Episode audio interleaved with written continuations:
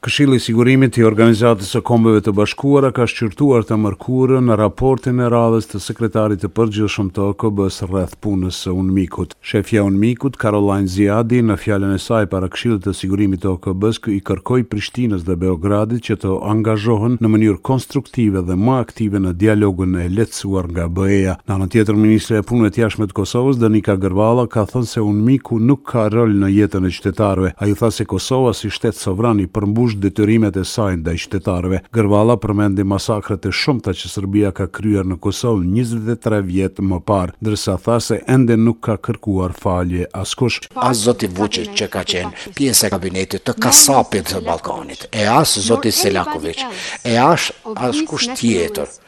nga këta nacionalistë nuk ka kërkuar kurrë falje. Në vend të kësaj, ata vazhdojnë t'i mbulojnë e t'i mbrojnë krimet e luftës. Ajo përmendi edhe sulmet e ditëve të fundit ndaj policisë në veri të Kosovës, duke thënë se Serbia dhe Rusia vazhdojnë të jenë kërcënimi më i madh i paqes në rajon. Sulmet po vijnë nga territori serb dhe do të ishin të pamundura nëse zoti Vuçiq nuk do t'i toleronte. Ai dhe aleatët e tyre po rrezikojnë konfliktin në Ballkan. Ndërkaq, ministri i Punëve të Jashtme të Serbisë, Nikolla Selakoviq, tha se situata në Kosovë është larg normales dhe qytetarët serbë po përballen me shkelje të të drejtave të tyre. I dërguari i posaçëm i BE-së për dialogun Kosovë-Serbi, Miroslav Lajçak, u ka bërë thirrje kryenegociatorëve të Kosovës dhe Serbisë për një takim të ri për të vazhduar diskutimet për çështje të ndryshme. Thirrja e tij vjen pasi të enjten palët dështuan të merren vesh për targat, ndërkaq kryenegociatori i Kosovës, Besnik Bislimi, pas takimit tha se liria e lëvizjes do të trajtohet ashtu siç do të trajtohet nga pala serbe. Ne do të trajtojmë lirinë e lëvizjes në të njëjtën mënyrë siç e trajton edhe pala serbe, ndërkaq për tabelat KM, të cilat kanë qenë dhe vazhdojnë të jenë ilegale, do të ofrohet një opsion se si do të kalojmë tek targat normale.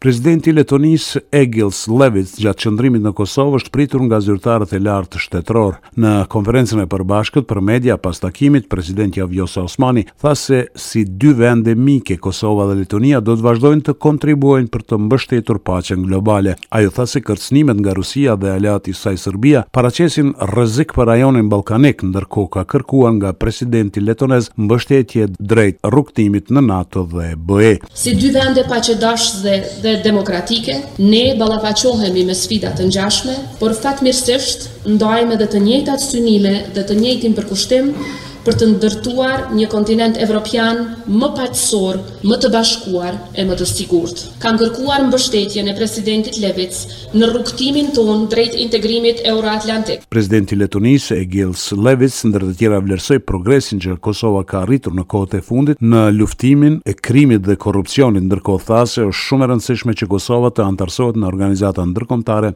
veçanërisht në Këshillin e Evropës. Kosova mori mbështetje të fuqishme këtë të enjte për synimin drejt anëtarësimit në NATO. Kjo mbështetje erdhi nga tre senatorët amerikanë, Jeanne Shaheen, Chris Murphy dhe Thom Tillis që zhvilluan takime me krerët shtetërorë. Senatori Murphy ka thënë se Uashingtoni do të punojë për të gjetur mënyra se si të bashkëpunojë me Kosovën që ajo të arrijë anëtarësimin në aleancën ushtarake. Gjatë diskutimeve tona folëm për interesat tona të përbashkëta për të vazhduar proceset për t'iu bashkuar si NATO-s ashtu edhe BE-s.